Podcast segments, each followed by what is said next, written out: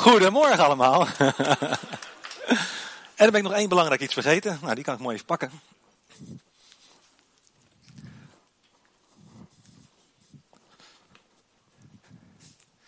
Zo.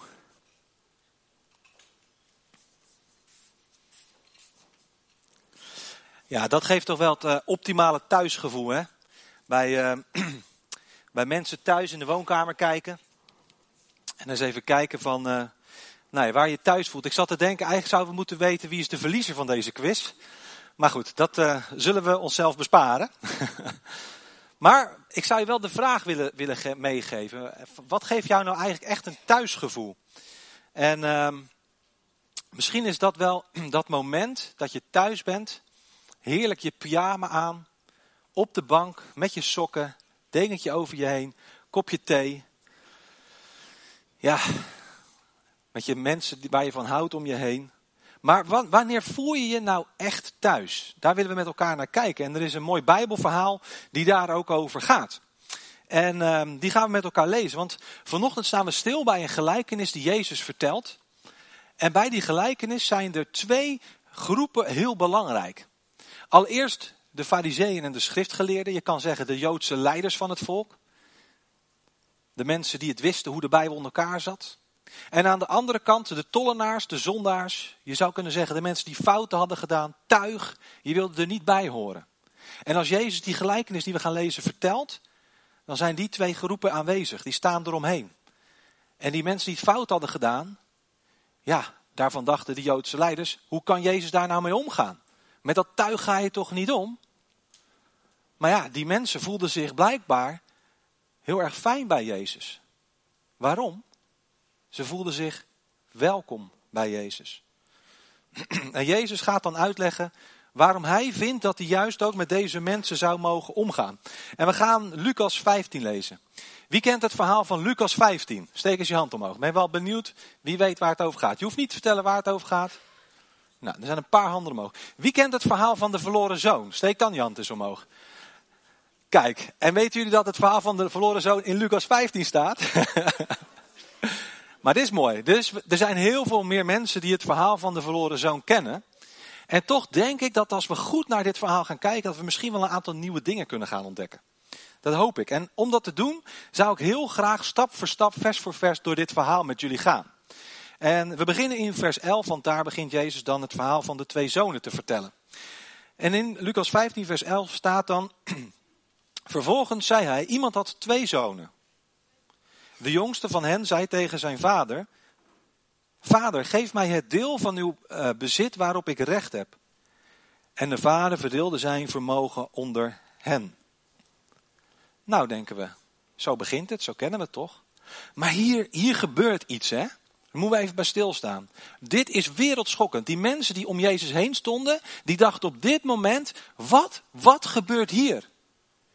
Die zoon, die jongste zoon, die verklaart zijn vader dood. Hè? Dat is wat er gebeurt. Die zegt gewoon, pa, voor mij leef jij niet meer. Ik wil niks met je te maken hebben. En zeker in die tijd, waar een vader zo belangrijk was, was dit zo heftig. Dat vervolgens die andere mensen die erbij stonden, die fariseeën, die schriftgeleerden dachten, haha, hier ga je het krijgen. Nu gaat het gebeuren. Die man die gaat wel even op zijn kop krijgen. Maar nee, dat gebeurde niet. Hij kreeg de erfenis mee. De vader luisterde naar zijn zoon. Dan lezen we in vers 13. Na enkele dagen verzilverde de jongste zoon zijn bezit en reisde af naar een ver land, waar hij een losbandig leven leidde en zijn vermogen verkwiste. De jongste zoon die ging dus naar een ver land. Oftewel, ver van zijn vader vandaan. Hij wilde zich er helemaal van losmaken. En de jongste zoon, dat is waarschijnlijk een tiener, misschien een jaar of zeventien. We weten het niet precies. Hij was nog jong. En misschien kun je wel een beetje herkennen in die jongste zoon. dat je denkt van nou, ik zou me ook wel het liefst willen losmaken van mijn ouders. Ik zou zelf willen bepalen wat ik zou doen en ik zou op avontuur willen gaan. En je wilt niet horen van mensen wat wel zou mogen, wat niet zou mogen. Je wilt het gewoon zelf kunnen uitmaken. En zeker niet iemand die zegt, doe dit wel, doe dit niet, pas hiervoor op. Nee, je wil gewoon even geen grenzen. Misschien herken je dat wel. Geen, in elk geval geen ouder met een wijzend vingertje die zegt, ja, je moet hierop letten en pas hiervoor op en doe dit niet in je leven en doe dat wel in je leven. Omdat ze het dan zogenaamd beter weten? Nou ja, misschien weten ze het ook wel beter. Ze zijn niet voor niks ouder dan jij. Maar je wil het zelf ontdekken. Je wil zelf tegen dingen aanlopen. Je wil zelf die ervaring opdoen die je ouders ook hebben opgedaan. En je zit misschien helemaal niet te wachten op het geloof dat je van jongs af aan hebt meegekregen. En wat dat betreft is deze vader wel bijzonder, hè? Want wat doet hij? Hij laat zijn zoon gaan. Hij komt niet met het wijzend vingertje en zegt: Ja, maar bij mij thuis is de beste plek om te zijn. Bij mij thuis is alles goed. Nou ja, laat hem gaan. Hoe moeilijk moet dat zijn geweest voor die vader? Wat een liefde. Dan lezen we in vers 14 en 15. Toen hij alles had uitgegeven, werd dat land getroffen door een zware hongersnood. En hij begon gebrek te lijden. Hij vroeg om werk bij een van de inwoners van dat land, die hem op het veld zijn varkens liet hoeden. Nou, daar zit je dan, zou ik zeggen. Daar zit je dan. Je pa dood verklaard, je rijkdom kwijt, hongersnood. En dan zit je bij die varkens. En weet je nog, die, de Joodse leiders, die moesten toen wel een beetje lachen. Want varkens, dat waren die onreine dieren. Waar wilde je helemaal niks mee te maken hebben. En daar zit hij dan. Die jongste zoon. Dan lezen we in vers 16 het volgende. Hij had graag zijn maag willen vullen met de peulen die de varkens te eten kregen, maar niemand gaf ze hem. Het wordt dus nog erger. Die schillen van die, van het, van die varkens, dat, dat voer van de varkens. Het staat zelfs letterlijk, hij begeerde het. Alles in zijn leven zei, geef me dat. Maar zelfs het voer voor dieren die zo onrein waren, die er niet toe deden, waar je niet bij gevonden wilde worden, dat was te goed voor hem. Hij kreeg het niet. Het voedsel van de armste, alle armste, kreeg hij niet. Dan lezen we in vers 17. Toen kwam hij tot zichzelf en dacht, de dagloners van mijn vader hebben eten in overvloed en ik kom hier om van de honger. Toen kwam hij bij zichzelf. Vind ik wel bijzonder. Hij komt tot inkeer. Want het verschil kan natuurlijk niet groter zijn met waar hij vandaan kwam. Van zijn huis en waar hij hier komt beland. Nu bij die varkens. En of dat niet erg genoeg is om met die varkens te eten. Hij krijgt zelfs hun eten dus niet. Hij was echt niets meer waard geworden. Hij had geen identiteit meer. Hij was niemand. Minder dan niemand was hij op dat moment. Geldgebrek, honger en eenzaamheid. Het, het zette hem er wel aan dat hij tot zichzelf kwam, tot inkeer kwam. En dan lezen we in de volgende twee versen. Ik zal naar mijn vader gaan en tegen hem zeggen: Vader, ik heb gezondigd tegen de hemel en tegen u. Ik ben het niet meer waard uw zoon genoemd te worden. Behandel mij als een van die dagloners. Misschien is het niet opgevallen, maar deze zoon zegt vader. Hoezo vader? Die had hij toch net als dood verklaard? Hij had zich toch net losgemaakt van zijn vader? Nou, benieuwd hoe dat afloopt. Vers 20. Hij vertrok meteen en ging op weg naar zijn vader. Zijn vader zag hem in de verte aankomen. Hij kreeg medelijden en rende op zijn zoon af, viel hem om de hals en kuste hem. Zijn vader zag hem dus in de verte aankomen. Oftewel, hij had een stille hoop. Die vader had een stille hoop dat zijn zoon ooit terug zou komen. En dat niet alleen, als hij dan in die verte die zoon ziet aankomen, dan rent hij er naartoe. Hij rent, hij wil hem omhelzen en wat een warm welkom. En Jezus zegt, dit is het karakter van God. Die vader, dat, is het, dat, is, dat mag je zien als God. Want God is blij met de terugkeer van iedereen die verloren is. En dat is heel anders dan alle andere vaders in die tijd waarschijnlijk. Want die hadden gezegd, jij bent mijn zoon niet meer. Maar deze vader, die symbool staat voor God, die zegt, jij bent mijn zoon nog steeds. Lees maar mee, vers 21. Vader, zei zijn zoon tegen hem, ik heb gezondigd tegen de hemel en tegen u. Ik ben het niet meer waard om uw zoon genoemd te worden. En, en die Joodse leiders die erbij stonden, die dachten, aha, nu gaat het gebeuren. Die zoon die krijgt nu flink op zijn kop. Nu, dit, dit kan niet anders meer. Dit gaat nu echt fout aflopen voor de jongen. Maar hij kan nog niet eens zijn zin afmaken, hè? Want hij wilde nog iets zeggen. Behandel mij als die dagloners, maar hij komt er niet aan toe. Zijn vader onderbreekt hem. En in vers 22 lezen we dan. Maar de vader zei tegen zijn knechten: Haal vlug het mooiste gewaad en trek het hem aan. Doe hem een ring om aan zijn vingers en geef hem zijn sandalen.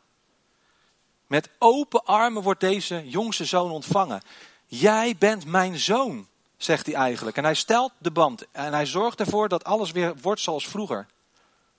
En iedereen dacht nogmaals, hè, jongste zoon, dat kan niet langer zijn zoon zijn. Maar Jezus zegt, de vader zegt, dit is wel mijn zoon. Jij bent mijn zoon. En zo mogen wij ook weten dat wat we ook hebben gedaan, wie we ook zijn, we mogen altijd een zoon of dochter van God zijn. En er is niets dat dat ongedaan kan maken. En wat je doet bepaalt zeker niet wie je bent. Vers 23 en 24. Breng het gemeste kalf en slacht het. Laten we eten en feest vieren. Want deze zoon van mij was dood en is weer tot leven gekomen. Hij was verloren en is teruggevonden. En ze begonnen feest te vieren. In plaats van die dagloner werd hij weer zijn zoon. Die vader was zielsgelukkig. Blijer dan dit kon hij niet zijn. Het was hersteld. En weet je wat ik nou zo bijzonder vind aan, aan dit gedeelte, die jongste zoon? Die jongste zoon die eiste wat van zijn vader was. Om er vervolgens achter te komen dat weggaan hem uiteindelijk niks opleverde. En misschien zijn wij soms ook wel als die jongste zoon. Ik bedoel, hoe vaak eisen wij niet plezier in het leven? Genot, rijkdom, gezondheid, intelligentie. En we zoeken het op een plek waar het niet te vinden is. We willen leuk gevonden worden. En we zoeken het op een plek waar je het ten diepste niet kan krijgen. We maken grappen ten koste van anderen. We gedragen ons anders dan we eigenlijk zijn. En we doen dingen die, door groepsdruk die we eigenlijk niet zouden willen. We willen constant het nieuwste mobieltje. We willen het mooiste huis hebben. En we zoeken het op een plek waar je het niet kan vinden door keihard te werken. En met plezier en met geld en met gezondheid en al die dingen is eigenlijk helemaal niks mis. Maar wat het mis mee is, is als je het zoekt op een plek waar het niet te vinden is. En dan komen we erachter op een gegeven moment dat het daar niet te vinden is. Maar echt geluk is thuis bij de Vader te vinden. Als je op weg gaat naar huis. Vers 25. De oudste zoon was op het veld. Toen hij naar huis ging en al dichtbij was, hoorde hij muziek en gedans. En nu dachten de lezers, de mensen die hierbij stonden eigenlijk, het verhaal is klaar. Want het ging toch om die jongste zoon? Maar nee, zegt Jezus, het is nog niet klaar. Het gaat om die oudste zoon. En die oudste zoon, dat waren eigenlijk die Joodse leiders die er bij Jezus stonden. Vers 26 en 27 en 28 staat het volgende. Hij riep een van de knechten bij zich en vroeg wat dat te betekenen had. De knecht zei tegen hem, uw broer is thuisgekomen. En uw vader heeft het gemeste kalf geslacht omdat hij hem gezond en wel heeft teruggekregen. Hij werd woedend en wilde niet naar binnen gaan. Maar zijn vader kwam naar buiten en trachtte hem te bedaren. Het contrast zou je kunnen zeggen tussen die vader en die oudste zoon, die kan niet groter zijn. Geen vreugde, maar woede. En hoe kon dat gebeuren? Ik bedoel, dat feestje had dat die jongste zoon toch absoluut niet verdiend. Maar toch, die vader kwam ook naar die oudste zoon op. Hij zocht hem op en hij wilde hem op andere gedachten brengen. vers 29.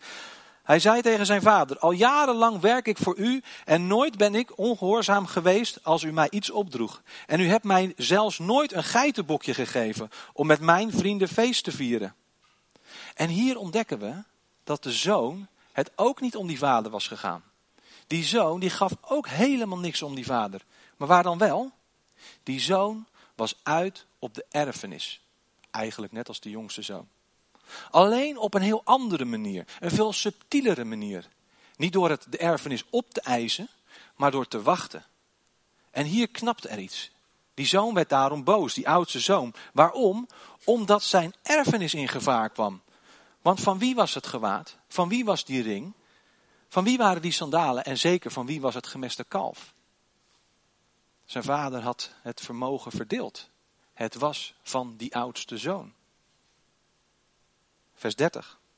Maar nu die zoon van u is thuisgekomen, die uw vermogen heeft verkwanseld aan de hoeren, hebt u voor hem het gemeste kalf geslacht. Die zoon, zegt hij. Hoe koud en kil moet dat zijn geweest om te zeggen. Hij zag hem niet meer als broer. En hij beschuldigde dat hij zijn geld aan de hoeren had gegeven. Hoe wist hij dat? Hij had zijn broer nog niet eens gesproken. Maar daar zijn oude broers goed in. Die weten wel hoe het zit. En die zien altijd in een ander wat fout is.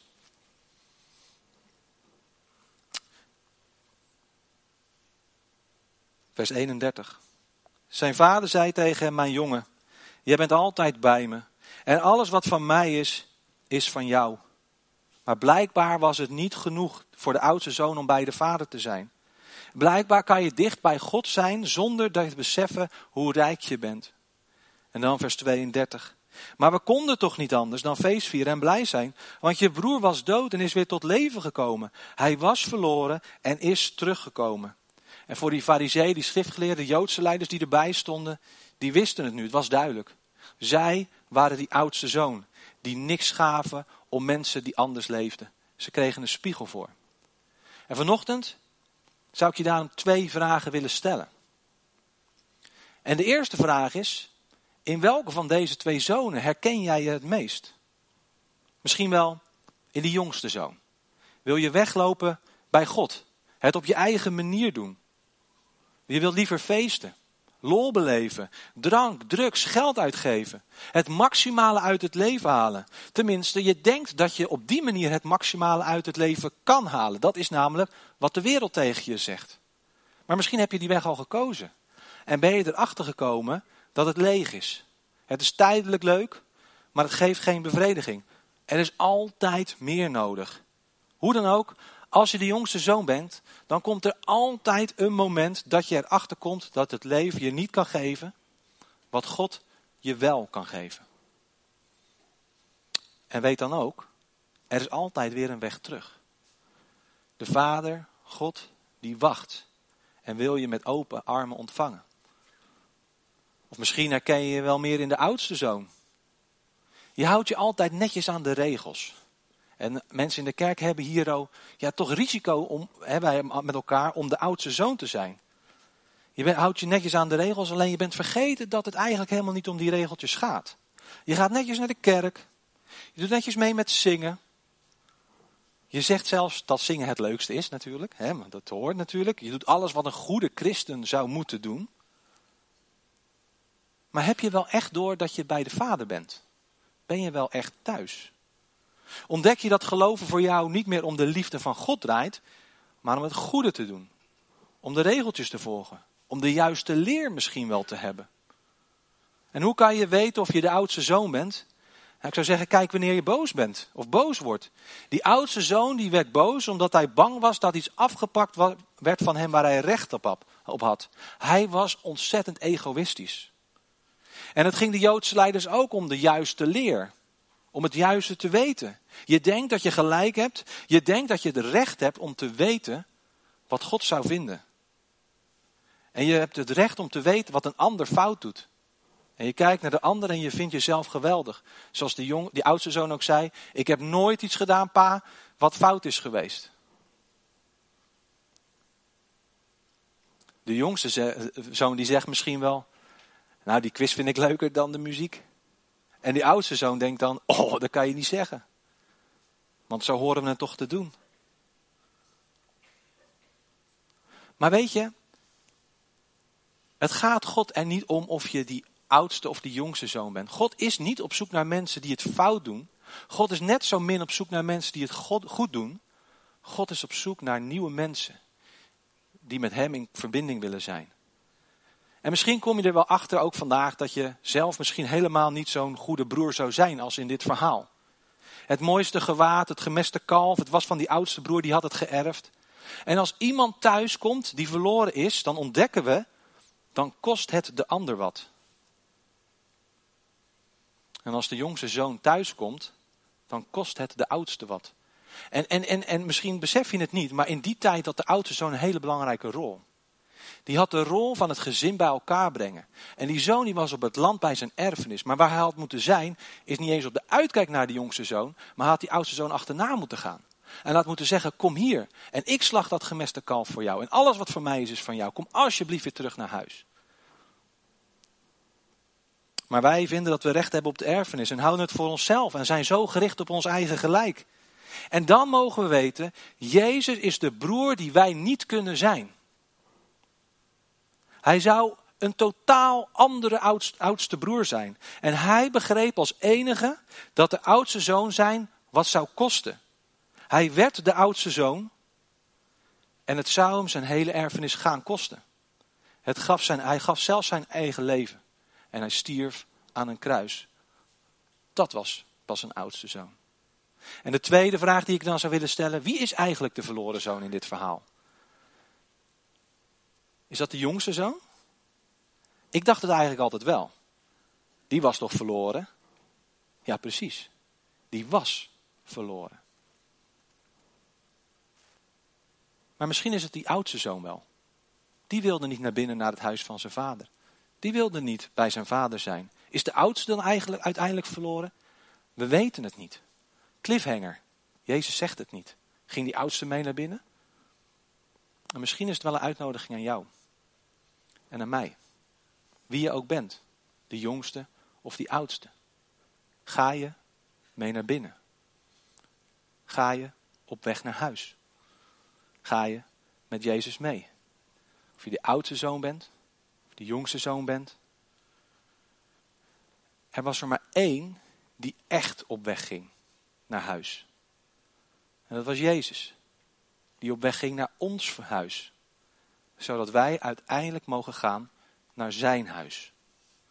En Jezus is letterlijk naar ons toegekomen. En ik wil je uitdagen om op weg naar huis te gaan. Ik zou zeggen, doe daarna je schoenen uit. Houd je sokken aan. En voel je thuis. En ik hoop elke keer als je deze mooie sokken thuis hebt, of andere leuke sokken thuis ziet, dat je hier aan denkt. Dat God voor je staat. Je met open armen wil ontvangen, wie je ook bent, wat je ook hebt gedaan. Je bent Gods geliefde kind en Hij wil niks liever dan jou ontvangen bij het feest dat Hij voor je heeft klaargezet. En vergeet nooit hoe geweldig het is om dicht bij de Vader te zijn. Amen. Zullen we bidden? Heere God, dank u wel dat we zo bij elkaar mogen zijn. Wat een feest is het om in uw huis te zijn.